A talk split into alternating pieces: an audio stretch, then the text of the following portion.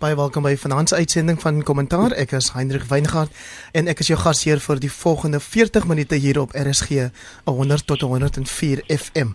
Nou voordat ek vanaand se paneelkundiges voorstel, moet ek net eers reageer op 'n klagte van 'n luisteraar oor 'n stelling wat Max de Pre verlede Sondag aand hier gemaak het. Die luisteraar Adam Boshoff het per e-pos laat weet dat hy as Christen aanstoot geneem het dat de Pre gesê het ons is almal moslems. Dit was na aanleiding van 'n bespreking oor terreur en Max de Pre het in werklikheid gemaan dat terreur nie moet maak dat ons in die onverdraagsaamheid stryk moet trap deur alle moslems nou as terroriste te beskou of te aanskou nie. Nou Max de Pre verduidelik self dat hy nie ons is almal moslems in die engsin van religieuse dogma gebruik het nie, maar in die konteks van die Jesus Charlie slagspreuk na die Charlie Hebdo aanval in Frankryk en in die sin van mens wees sê hy en Suid-Afrikaner wees. Met ander woorde, hulle is ons en ons is hulle en daar is wat hom betref nie 'n hulle en 'n ons nie. Ek vertrou dat meneer Adam Boshoff tevrede is met hierdie verduideliking. Nou my gaste vir vanaand op die telefoon het ek vir Crystal Oderson. Sy is die Suidelike Afrika redakteur van die Africa Report en sy is ook 'n oud SAK joernalis. Welkom Crystal. Goeienaand Heinrich. Hier saam met my in die ateljee verwelkom ek graag twee deelnemers wat al 'n paar keer voorheen deelgeneem het. Die een Jan Jan Joubert, hy is die Sunday Times se parlementêre bureau hoof en dan Dr. Morney Mostert, hy is die direkteur van die Instituut vir Toekomsnavorsing aan die Universiteit van Stellenbosch, naand julle twee. Goeienaand. En goeienaand van my kant af. Nou die nuus in Afrika is die afgelope week oorheers deur onder meer die Afrika Unie se beraad in Rwanda en ook die internasionale viskonferensie wat hier in Durban in KwaZulu-Natal, die tuisprovinsie van Jan Jan Joubert gehou is. Dit beteken die wêreld se oë was om die twee redes op ons vasteland gerig. Crystal Oderson as ons Afrika kenner op die paneel, lei asseblief vir ons die bespreking in deur vir ons 'n aanduiding te gee oor wat jy meen die belangrike uitkomste by die Afrika Unie beraad was. Ja, Heinrich, alle oë was in Kigali die week. Natuurlik was die eerste ding of Kossazana Dlamini Zuma nou terug Suid-Afrika toe gaan kom en sy gaan nie terugkom in die volgende 6 maande nie. So wat eintlik gebeur het wat ek dink wat baie interessant is, Wes-Afrika was glad nie beïndruk met die drie kandidate wat voorgestel is nie. Dit was natuurlik um Botswana, Equatorial Guinea en natuurlik Uganda. So wat hulle eintlik gedoen het, hulle het glad nie, hulle was glad nie beïndruk nie en het glad nie gestem nie. So wat dit beteken, um dat die verkiesing moes gestop gesit word. Dis die eerste keer wat dit gebeur. Um in die Afrika Unie so baie mense het nie glad nie geweet wat gaan aan nie. En natuurlik het baie van die um die Afrika leiers het toe vir Kusazana Dlamini Zuma gevra of sy graag sal aanbly vir die volgende 6 maande tot 'n nuwe verkiesing in Januarie, maar dit beteken dat sy eers sekerlik maar terug na Suid-Afrika toe gaan kom wat dit natuurlik baie interessant gaan maak vir Suid-Afrika en die ANC se 2017 verkiesing Heinrich. So ehm um, dit was een van die kwessies wat natuurlik um, die die nuus was maandag. Dan die twee ander sake wat ek dink wat um, uitgekom het van die Afrika Beraad was natuurlik Marokko wat na 32 jaar nou sê hulle wil terug in um, by die Afrika Unie. In 1984 het die AU het vir um, Western Sahara toegelaat om deel te wees van die Unie en natuurlik was Marokko glad nie beïndruk met die besluit nie en het toegesê nee goed hulle gaan nou hulle hulle wil glad nie deel wees van die Afrika Unie nie. En so vir die afgelope paar jare het ek gesien hoe Marokkaanse um, diplomate probeer om nou weer in te kom. So I mean so natuurlik sien ek dink nie dit gaan 'n uh, baie um, dit gaan um, glad nie maklik wees vir Marokko om weer in te kom nie van Suid-Afrika, een van natuurlik van die groot leiers by die Afrika Unie is um jy weet een van die groot um um jy weet hulle as Western Sahara is een van die groot kwessies vir hulle en hulle gaan dit nie so laat staan nie. Marokko natuurlik wil in en sê die AU moet besluit of dit wel goed is vir die AU dat Western Sahara deel is van die Unie. So ek dink dit gaan natuurlik 'n groot kwessie wees in die volgende jaar. En dan laaste was natuurlik Suid-Sudan. Ons weet dat um paar weke gelede was meer as 300 mense doodgemaak, duisende der duisende mense word nou by die VN se kampe moet na gekyk word. En natuurlik sê die AU nou dat hulle soldate na die land toe gaan stuur. Dis natuurlik Afrika se jongste land wat nou net 5 jaar oud is. So ehm um, Salva Kiir sê natuurlik hy wil glad nie soldate daar hê nie. So mense sal nou sien want Uganda is een van Salva Kiir se groot ehm um, jy weet hulle is een van die lande wat hom natuurlik beskerm. So mense gaan nou sien of die AU wel die soldate gaan stuur. Natuurlik is die ehm um, adjunkt president Riek Machar Niemand weet waar die man is nie. En so nou sien mense dat Salva Kiir nou eintlik sê dat daar 'n nuwe adjunkt president aangestel moet word, maar ons weet glad nie waar Riek Machar is nie. Wel ek weet hy's moontlik in Addis Ababa want dis waar ons 'n uh, onderhoud met hom gedoen het. Maar dit gaan interessant wees om te sien wat eintlik in Suid-Sudan gaan gebeur. Suid-Afrika was heel stil by die Afrika Unie beraad. Ek weet nie of dit omdat Kossazana Dlamini Zuma terug gaan kom nie of sy moet vir 'n paar um, ekstra 6 maande daar bly nie maar mense het nie eintlik gesien wat Suid-Afrika sê by die beraad nie Heinrich.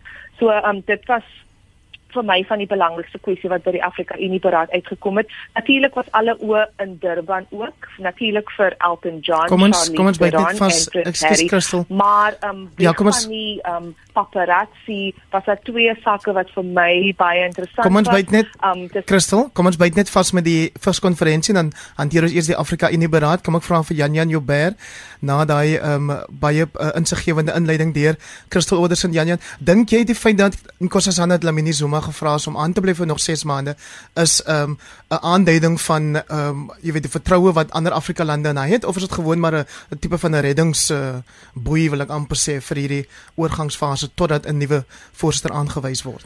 Ek sou sê albei daarvan, um as hulle haar nie 'n hoë dink gehad het van haar nie, dan sou hulle haar nie gevra het om aan te bly nie. En terselfdertyd is dit sodat as die ander kandidaate soos Christel so netjies vir ons uiteengesit het, dan nou nie voldoen aan die vereistes van 'n groot deel van die ledetal nie en dit sou dan Wes-Afrika in, dan um is dit noodwendig dat sy as reddingsboei sal moet dien vir die organisasie. So ek dink beide van daai.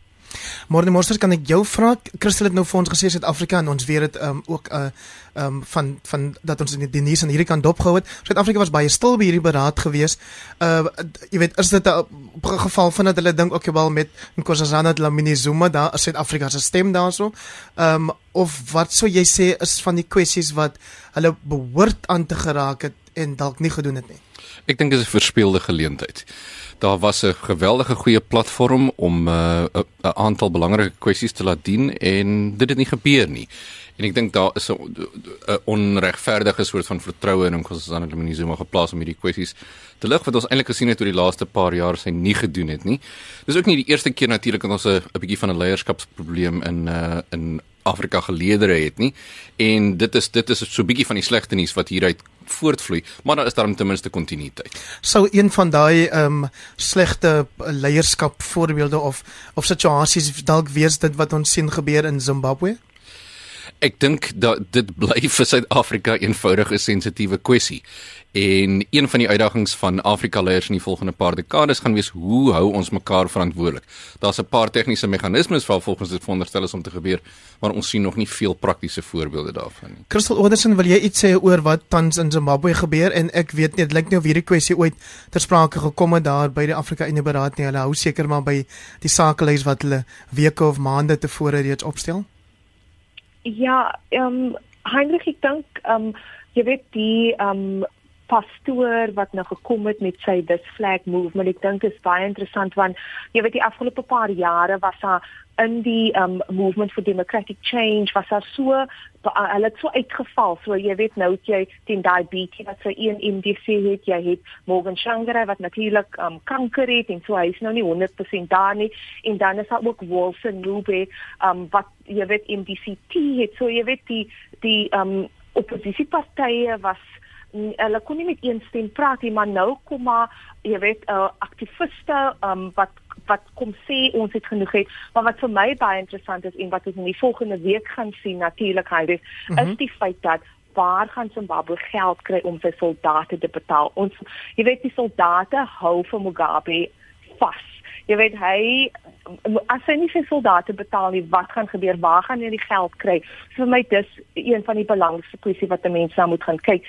En natuurlik dink ek ook die naweek se um, of die afgelope paar dae wat sy um veterane, die veteraan soldate wat al van 2000, jy weet die agte wat so te sê die backbone van Mugabe se ZANU-PF was um met die met die grondhervorming en so aan. Jy weet hulle sê nou hulle het genoeg gehad van Mugabe en ek dink dis baie belangrik um om te sien dat jy weet van die um binne in die ZANU-PF is nou hulle praat nie met een stem nie en dis die eerste keer wat 'n mens sien dat die sol die voormalige soldate nou sê ons het genoeg gehad en wat 'n mens moet ook dat die baie van die voormalige soldate um hulle is deel van die voormalige um VP Joyce Majuro se kamp. En so dit gaan baie interessant wees om te sien watter soort um so te sê die verskillende groepe gaan uitkom wat teen Mugabe gaan wees. En ek dink mense gaan sien weet in Suid-Afrika wil ons verandering nou sien en ek dink baie Suid-Afrikaners ontleeders ek dink ook die ANC jy weet voel gefrustreerd met wat aangaan in Zimbabwe. Um want as Zimbabwe sneeu kry ons die verkoue hier in Suid-Afrika.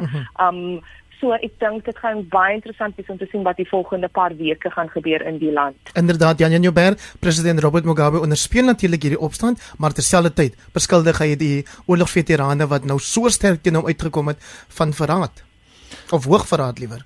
Ja, kyk, um dit is mos nou hoe dit gaan wanneer jy enige tipe van 'n um tinpot diktator het wat besig is om sy greep op die werklikheid en die mag te verloor, dan um, begin allerlei vreemde gedagtes um skielik in die mond gevorm word en uitgespreek word. Ons sien dit selfs hier by ons in sommige organisasies, maar um wat jy sien in Zimbabwe tans is dat president Mugabe is regtig nou baie oud. Ek, ek dink nie 'n mens kan van ouderdomsvrees of van ouderdomsdiskriminasie aangekla word as jy sê 'n leier wat oor die 90 is, moet dalk nou 'n bietjie dink aan uitspan nie. En saam daarmee is die mag natuurlik besig om te skuif en daardie honde wat hy van die deur gehou het deur vir hulle vleis te voer, weet hulle gaan eersdaags nie meer vleis kry nie en dis wanneer hulle teen die teen die um eienaar draai en hom begin byt en ek dink dit is presies waar ons nou is.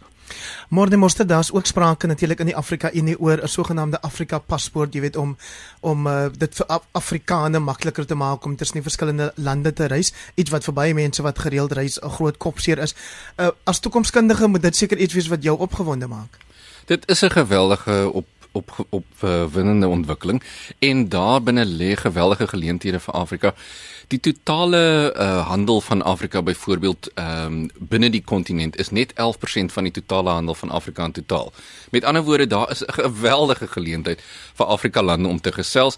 'n Mens wonder natuurlik hoekom het dit nou nog nie by die Afrika Unie gebeur nie, maar ten minste sien ons die goeie tekens dat dit besig is om te ontwikkel.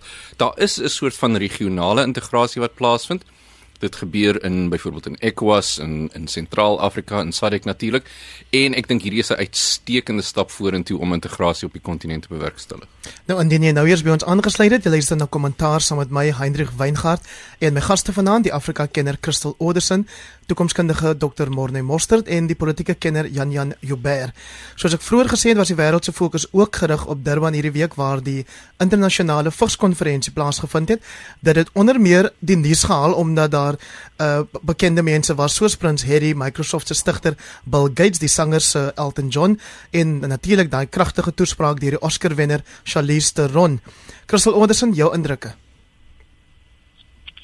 Ja, ehm um, Heinrich, jy weet ehm um, die groot ehm um, jamborees is nou nie eintlik deel van um iets wat ek baie van hou nie maar natuurlik was alle oë op Durban 20000 mense um verskillende um jy weet daar was so baie wat gesê was dat wat vir my was baie moeilik om kop te hou met alles maar twee dinge wat dink ek dink die um navorsers van die universiteit van um KwaZulu-Natal um Dr Abdul Karim um ek dink sy twee studies van blessers wat um waar ouer mans vir jong meisies geld gee en die geskenke koop en ruil vir seks. Jy weet ek dink dit is 'n baie interessante um jy weet um die navorsing wat uitgekom het en hoe hulle daarbey gekom het dat jy weet die die streng van vigs wat in jong meisies is jy weet in mans en ouer um ouer mans dieselfde um soort vigs so ek dink dit was baie interessant en ek dink natuurlik want dis iets wat hier in Suid-Afrika nou die realiteit is en um ek ek ek wonder wat die departement van van ehm um, gesondheid en ander ehm um, regerings en nie regeringsorganisasies gaan doen want dit is natuurlik nou 'n realiteit vir ehm um, die land. En ek dink die tweede ding wat Charlize natuurlik oor gepraat het was die feit dat jong meisies jy weet is ehm um, die die draers van vigs nou. En dit is dit dit lyk nie of dit die die ehm um, getalle lyk nie of dit minder raak nie en vir my dis baie kommerwekkend want dit beteken met 'n hoë werkloosheidssyfer wat 'n mens in Suid-Afrika het dit beteken dat die die blessings gaan daar wees van baie as jong meisies sê kan skool toe gaan nie as hulle nie geld het nie dan gaan dit gebeur want dit is transactional um, wat aangaan. Um, en ek dink jy weet natuurlik is navorsing belangrik want dit gee vir ons insig oor wat gebeur maar vir my is die kwessie wat gaan gedoen word om het, om dat ons kan praat daaroor maar ook seker maak dat jong mense en jong mans en jong vrouens 'n toekoms hier in Suid-Afrika het. So, um, vir my was dit eintlik baie depressief om vir die waarheid te sê, Hendrik. So, ek weet nie van Morney of Jan Jan nie. Jan Jan of Morney, ehm um, was dit ook vir julle depressief want wat nou eintlik hier gebeur het is dat die wêreld weet ook nou van hierdie fenomeen wat genoem word in Engels blessers en dis ouer mans wat jonger en baie dink wels baie jonger uh, meisies natuurlik geld voorgee en duur geskenke koop in ruil vir seks. Ja, ons premier hier so in die Weskaap praat dikwels daaroor mevrou Zille. Sy noem dit transgenerasie seks basies. En ehm um, dit is 'n groot kommer. Ehm um, daar was twee dinge vir my wat uitgestaan het in hierdie konferensie. Dit was die een en Christel het haar vinger daarop gesit. Ehm um, maar wat daarmee saamgehang het was die maatskaplike ehm um, taboe wat steeds daar is dat mense nie graag praat daaroor nie en die absolute oproep op ouers om nie seks as 'n tipe van ding te hanteer waaroor kinders moet skaam wees nie want dan gaan hulle dit agter jou rug doen. Dit moet um bespreek word, dit moet hanteer word in belang van jou kind se gesondheid. Die tweede ding wat vir my belangrik was is natuurlik die um vordering met met teenvigsmiddels met 'n manier om hierdie peslike siekte te hanteer en daar het Bill Gates 'n klomp geld aangekondig vir navorsing en 'n mens hoop werklik waar dat uh hierdie tipe van teenmiddel nou gevind sal word. Dit is nie net antiretrovirale middels wat die wat die virus vertraag nie. Dis 'n soeke na 'n oplossing, 'n tipe van 'n van 'n teengif vir hierdie virus. Nou ja, Morde Monster dieselfde premier Helen Zille nou weer Janja nou verwys het dit natuurlik in 'n sal mense nou noem 'n Twitter uh, bekgeveg uh, betrokke geraak deurdat sy gereageer het op wat Charlize Theron gesê het of Charlize het die vraag gevra waarom is dit dat ons nog nie vigs kon jy weet op 'n manier kon aanspreek of kon um, uh, handel daarmee dat die siekte nie meer so 'n probleem is nie? Dan in in Charlize verklaring daarvoor natuurlik is dat omdat ons steeds sekere lewens as meer waardevol as ander beskou Helen Zille antwoord dan ek haal nou maar uit die Engels uit aan hierso. Dear Charlize, the answer to your question is we fail to beat AIDS because we fail to translate scientific knowledge into behavior change. Ek weet nie of dit heeltemal akkuraat is nie. Ek ek ek veronderstel tot 'n mate is dit so. Maar daar word nou groot debatte gevoer oor die befondsing van van vigs byvoorbeeld. Daar's groot geleenthede natuurlik aan die positiewe kant van 'n navorsingsperspektief dat Suid-Afrika die die leiding daar kan neem. Maar ek dink ons is op 'n punt met vigs waar daar 'n mate van wat jy kinders soms verwys na as compassion fatigue is. Ons is nou al vir soveel dekades hiermee besig. Daar is die verstandhouding dat ons het eintlik die middele tot ons beskikking om hierdie ding die hok te slaan en tog gebeur dit nie. En wat mense nou kry is die mense wat die befondsing gee vir die vir die ehm um, beklei teen die vigsepidemie is ook besig om so bietjie uh, hulle aandag te verskuif na ander dinge dink byvoorbeeld aan terreur en so aan. So daar is 'n soort van 'n uh, ampere uitputting van die saak rondom vigs veral rondom mense wat moet belê in die ontwikkeling daarvan finansiëel. Kom ons hoor of Jan Jan saamstem. Ehm um, ek stem in 'n sekere mate saam maar ek vind dit nie aanvaarbaar nie. Um, ek dink ook dat die premier se opmerking waar dit dalk um sterk is wat realisme betref, is dit vir my nie sterk wat meelewing betref nie. Um ek dink nie mense moet klippe gooi na mense wat miskien foute maak vir alles hulle jonk is nie.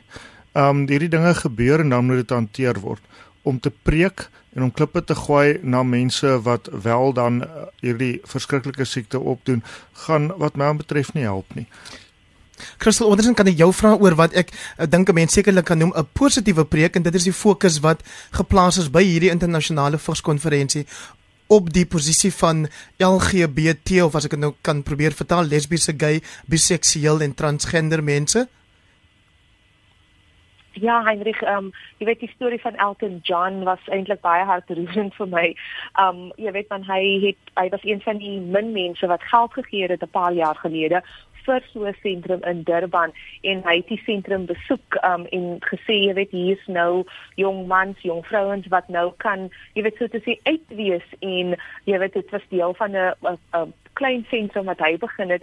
So um ek dink dit was natuurlik dit was baie dit was baie belangrik en ek dink was 'n victory um vir die kwessies wat aangaan. Maar vir my is dit altyd weet na so 'n uh, konferensie weet Heinrich as 'n mens by van daai jamborees is jy weet dis jy weet dis die energie is so te sê jy slaap glad nie jy's besig van een uh, jy weet een um um toespraak na ja. ander toespraak en dan is die partytjies in die aan en is die netwerk en so aan maar jy weet dan kom mense terug na 'n week van so iets en hulle moet weer met begin met die werk en ek dink wat môre gesê het is jy weet die die mate van die uitputting en hoe kry mense energie om voort te gaan met dit. Natuurlik, jy weet, ek dink Suid-Afrika se gesondheidsminister Aaron Motsoaledi is jy weet een van die beste in die in die wêreld en hy het regtig waar die energie om die saak voort te gaan. Um so mense en ek dink die navorsing wat hier in Suid-Afrika is en van die navorsingswerk wat in Afrika gedoen word, jy weet is natuurlik is se mens baie optimisties dat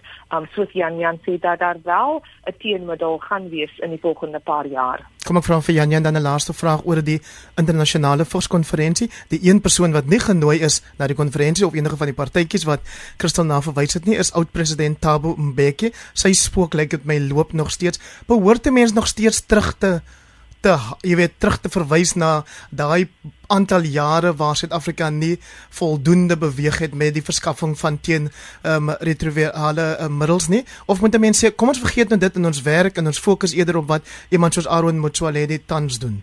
Ek dink 'n mens moet albei doen, veral in 'n tydperk soos wat Christel en Morney na verwys het waar die gevaar van uitputting, um waar mense moeg is vir die kwessie van HIV vigs.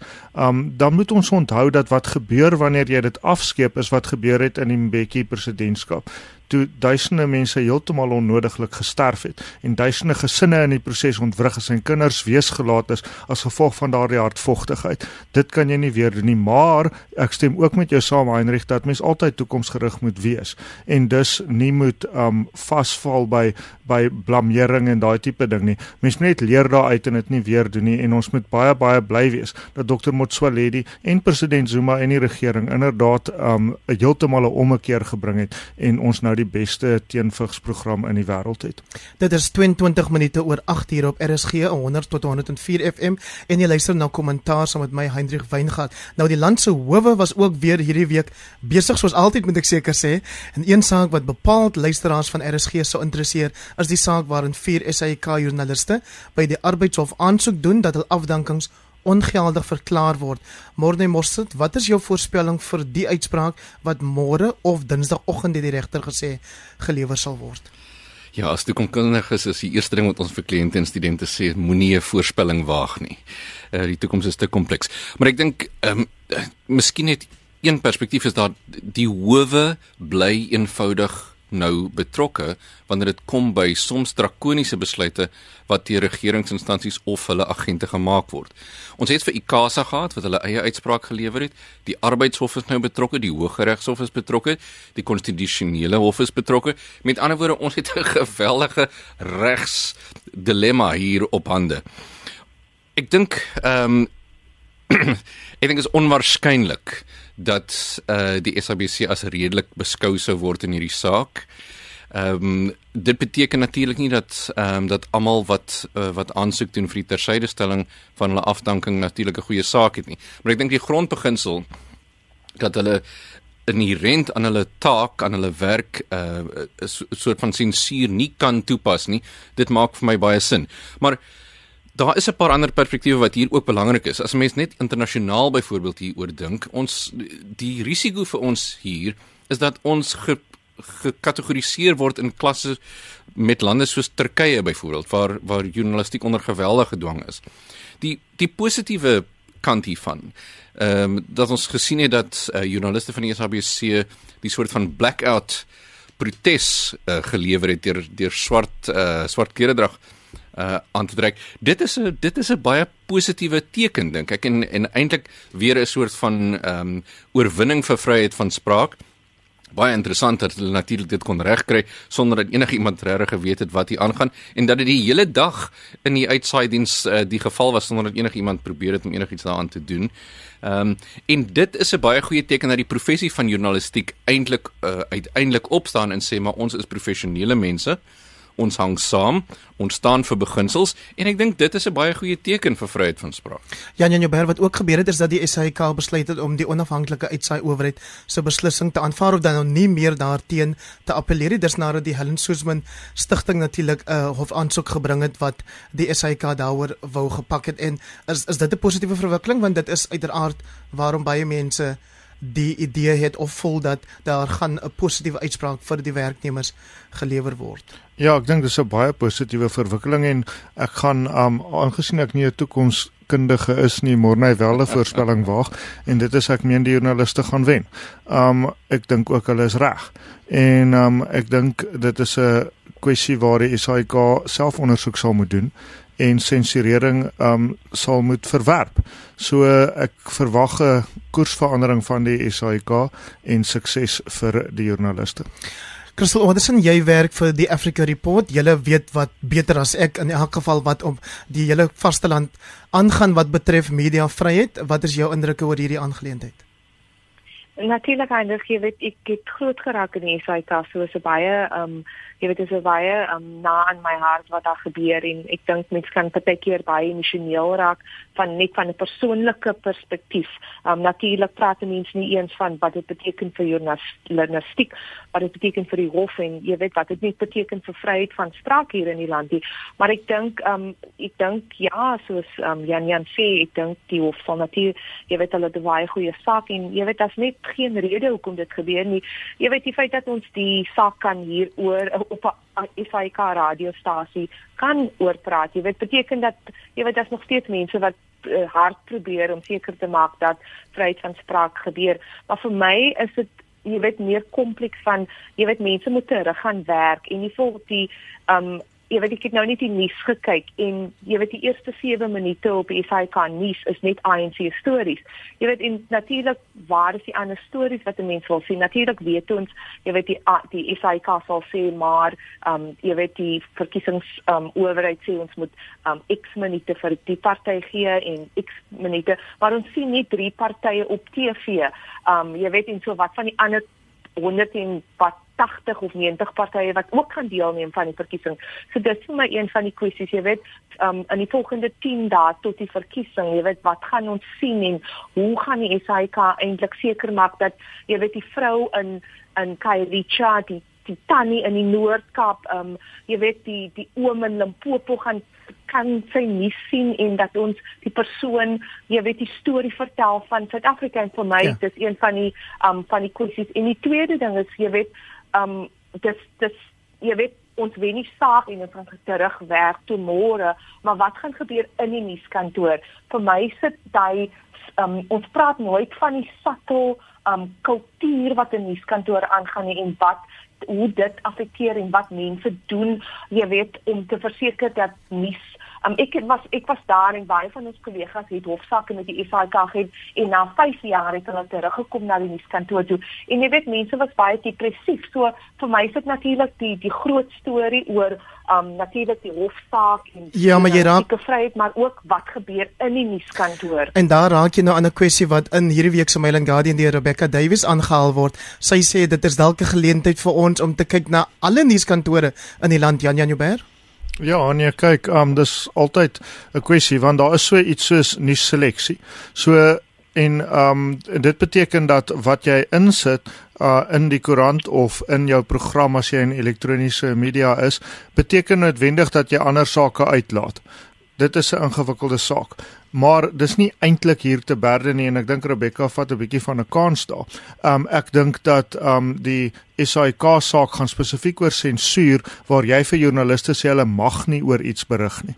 En daarvan gepraat Morne Mostert, jy het op jou Facebookblad die storie gepost of geplaas oor die Universiteit van Kaapstad wat nou besluit het om 'n uh, 'n aktivis uh, wat die voormalige kultuurredakteur van die koerant Jyllands-Posten in Denemarke is om hom nie meer te nooi om te kom praat oor die kampus nie. Hy is natuurlik die persoon wat destyds ehm um, gevra het dat daai uh, uh, spotprente van die profeet Mohammed geteken moet word en wat dit geplaas het.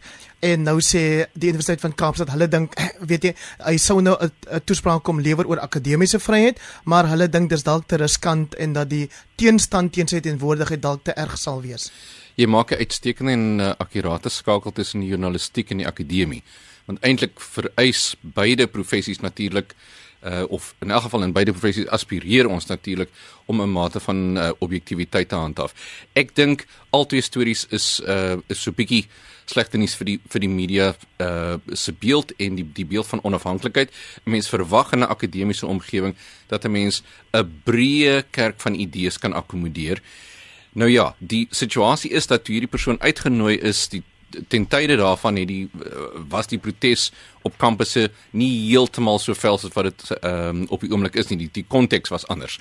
Nietemin dink ek die die feit dat hulle ehm um, sy uitnodiging van die nou nou afgeskaf is ek ek, ek dink nie dit teken die gee die regte teken vir die akademiese omgewing nie Net 10 dae bly oor voor die land se plaaslike verkiesings op Woensdag 3 Augustus plaasvind en dit lyk of dit veral in die drie belangrikste metros Nels uh, Nelson Mandela Bay, Tshwane en Johannesburg om trinte gespook gaan wees om beheer daar te verkry deur enige van die groot partye in elk geval Jan Jan Joubert. Ja, dit gaan 'n baie interessante verkiesing wees en daar's 'n baie groter belangstelling as voorheen vir plaaslike regeringsverkiesings. Dit het ons gesien aan die hoeveelheid mense wat hulle besonderhede gaan nagaan het. 6.5 miljoen uit die 25 miljoen kiesers het hulle besonderhede gaan nagaan na twee registrasie naweke en ons sien ook 'n baie groter hoeveelheid um spesiale stemme wat uitgebring gaan word. So ek sou met jou saamstem Heinrich, kyk maar mooi na daai drie metros, maar ook in Limpopo en in Noordwes, na daai mynbougordel, die um die plase in die Limpopo gebied en Polokwane. Ek sien die EFF is absoluut gefokus op Polokwane. Julius Malema sê gee ons 'n ou kansie. Maar die net resultaat hiervan sê jy ook vroeër is dat ons nou baie ernstig gaan begin kyk na koalisies. O ja, ehm um, kyk, koalisies is besig om bespreek te word agter die skerms. Hou die Sunday Times maar volgende week en die week daarna dop. Ons is besig om ons huiswerk rustig te doen daaroor, maar ek dink 'n paar groot etiese besluite lê vir partye voor vir met wie kan hulle saamwerk en met wie nie. En met ander woorde, wie gaan hulle dalk daardie moontlike ehm um, vriende van hulle in wie se arms gaan hulle hulle dryf as hulle nie met hulle saamwerk nie. Crystal Orderson en die een party wat reeds gesê het dat hy nie met die ander gaan saamwerk nie, is die EFF wat gesê het hulle wil niks met die ANC te doen nie, maar heel interessant, hulle laat nie die die moontlikheid weg om dalk met die DA saam te werk nie. Weet jy Hendrik, ek was in die Nelson Mandela by ehm um, jy weet ehm um, ek was daar vir 'n vir 'n week om te sien wat nou eintlik gaan gebeur. En weet jy die EFF is natuurlik sê hulle hulle gaan glad nie met die ANC werk nie en ek dink hulle gaan dit gaan glad gebeur ek dink ehm um, jy weet ek dink politieke partye dink nie eintlik of ek wel ek dink die DA en die ANC dink nie eintlik wat is dit wat Julius Malema wil hê nie en so ehm um, ek het van met die party ehm um, partymense in ehm um, die Nelson Mandela Bay ehm um, gebied gepraat en toe sê hulle vir my hulle praat van 'n koalisie van 'n spesiale soort, 'n coalition of a special type. En toe vra ek nou vir hulle wat beteken julle? Hulle sê hulle is bereid um, sê hulle het nou 10% in in Swane. Hulle is bereid om die 10% op te gee sodat hulle dan 'n metro kan of 'n gebied op hulle eie kan um regeer. Die, die meerderheid politieke partye sê, maar ek het dit glad nie verstaan nie eintlik. So hulle sê dat hulle is bereid om iets op te gee, maar dan moet 'n ander politieke partye ook iets opgee want hulle sê hulle stel nie belang in 'n onderburgermeester um, posisie of 'n burgemeester posisie nie. Hulle wil die hulle wil 'n metro, hulle wil in jy weet hulle wil die die die enigste party wees wat daar in kontrol gaan wees handig. So ek wonder of dit wel gaan gebeur en dit gaan baie interessant wees. Wat ek dink gaan gebeur is dat ek dink na die 3 Augustus gaan ons jy weet, ek dink ons gaan 'n paar weke hê waar ons gaan niks sien gebeur nie. So jy weet, ek kom ons kom ons sien ek dink dit gaan interessant wees, ja. maar ehm um, ek dink die politieke partye dink eintlik wat gaan gebeur nie. Kom ons hoor wat dink Jan Jan Joubert? Christel, daar gaan ek heeltemal van jou verskil. Hulle het in elk geval net 10 dae om 'n regering saam te stel en ek dink wat die EFF wil hê is die steun van die DA in plekke in Limpopo in ruil vir die feit dat hulle die DA sal steun in plekke soos Port Elizabeth. Morne Mostert en waarmee baie mense ook verskil is dat die DA vir kiesers vertel dat hulle nie vir kleiner partye moet stem nie want hulle sou daarmee hulle stemme mors. Ja, ek dink dis so effens van 'n veralgemening. Ek dink mense moet ook die die EFF 'n bietjie krediet gee. Hulle sê hulle sal nie die ANC uitnodig uitnooi in 'n koalisie nie, maar kyk uit vir hierdie een. Hier's die voorspelling wat ek nie wou maak nie. Hulle gaan ja sê vir 'n uitnodiging in 'n koalisie vanaf die ANC. Maar die president Jacob Gedlislekisa Zuma sê dat mense moenie vir daai party wat gelei word deur 'n kwaad seun wat weggejaag is uit die ANC uit stem nie sodat soos wat hy ook sê moenie stem vir die DA wat 'n kind is van die ou apartheid nasionale party nie. En dit nou met al die nasionale party mense wat so mooi met die ANC saamgesmelt het in 2005, né? So ek weet nie waar kom die president daaraan nie. Maar wat sê jy Marnie Mostert oor die die boodskap wat deur 'n leier uitgestuur word wanneer sulke uitsprake gemaak word? Ek dink dit is so 'n bietjie goedkoop politiekery. Uh mens sien dit in die Amerikaanse verkiesing, ons sien dit nou in die Suid-Afrikaanse verkiesing. Daar is ook natuurlik 'n kommerwekkende tendens wat plaasvind en die ANC het nou aangedui dat daar 'n kommissie aangestel gaan word om ondersoek in te stel na die politieke moorde Crystal Orderson wat ons in KwaZulu-Natal sien. Weereens, dit seker nie iets wat vreemd is in in Afrika nie, maar dit is tog iets wat ons almal bekommerd behoort te maak. Ja, ek dink wat gebeur is is baie kommerwekkend. Um en ek dink um, jy weet Mary de Haas wat nou al jare in KwaZulu-Natal en wat altyd van die dinge praat, sy het gesê dat jy weet dit gaan gebeur in KwaZulu-Natal en niemand het eintlik baie na geluister nie. So vir my is dit nog steeds baie kommerwekkend. Ek dink glad nie dat jy weet in die volgende paar dae wat 'n mens gaan sien nie. Die storie wat ons vandag gelees het in so die pres is natuurlik kommerwekkend. Paddy Harper het een van die um een van die ANC mense wat geskiet was in Johannesburg um um onder met hom gedoen en jy weet hy het gesê hy het gesien wie hom geskiet het en hy het die polisie uit die polisie gesê wie dit was en jy weet 'n maand later is daar nog steeds niemand wat gearresteer is nie. So vir my is dit baie kommerwekkend Jan um Heinrich en ek weet nie of die kommissie enige iets gaan kry wat um wat eintlik gaan beteken wat ons die moordenaars agter die tralies gaan sien nie. Jan Jan Joubert en dan sê David Makuro wat die Gauteng se premier is van die ANC huis of die ANC premier in Gauteng is hy sê verkiesers moenie die ANC verlaat omdat hulle ongelukkig is oor Jacob Zuma nie. Ja, dis nou ook nie onverwags nie, nee, want soos wat Stembiso Msomi vandag skryf in ons koerant is een van die grootste probleme wat die ANC het, is daai middelklas kiesers in uh, Gauteng wat eintlik 'n bietjie ondersteuners is en hulle mors doodskaam vir wat hulle dink die president verkeerd doen. So um, hy moet maar so sê of dit gaan werk, sal ons maar moet sien. Maar Faitjie Mentor wat 'n voormalige ANC LP is, sê ook um, in die nuus of op haar Facebookblad, dink ek sê sy dat sy en haar familie gaan steeds ANC stem. Is dit iets wat jou verbaas? Dit het my 'n klein bietjie verbaas natuurlik elke mens moet stem soos hulle wil. Um ek dink ook is gevaarlik of in elk geval in my familie om namens enige iemand anders in jou familie te praat, dis baie baie gevaarlik. Elke mens se keuse is sy eie.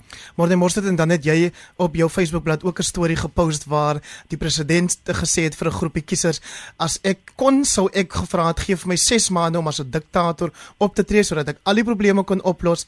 Maar nou ja, nou is dit hierdie hele ding van resolusie en decision en collective petitioning and they say, "Yo, it's a lot of work." Ja, many a true word spoken in jest. As 'n mens hiperkrities hierna kyk, dan is dit 'n soort van speelse versoek dalk om 'n op verdere groter invloed op die land uit te oefen op 'n iets wat diktatoriese wyse. Onthou om volgende Sondag dieselfde tyd weer in te skakel wanneer ons hier op kommentaar 'n uh, prop proper se verkiesingsvoorskou sal doen met onder andere professor Willie Breitenberg van die Universiteit van Stellenbosch en Theo Venter van die Sakeskool van die Noordwes Universiteit daar in Potchefstroom. Dit is nou tyd om vanaand se paneel vir hul insette te bedank. Crystal Oderson van die Africa Report, Jan Jan Joubert van die Sunday Times en Dr. Morney Mostert van die Instituut vir Toekomsnavorsing aan die Universiteit van Stellenbosch. Ek is Hendrik Weingart en ek wens jou 'n fantastiese en voorspoedige week toe.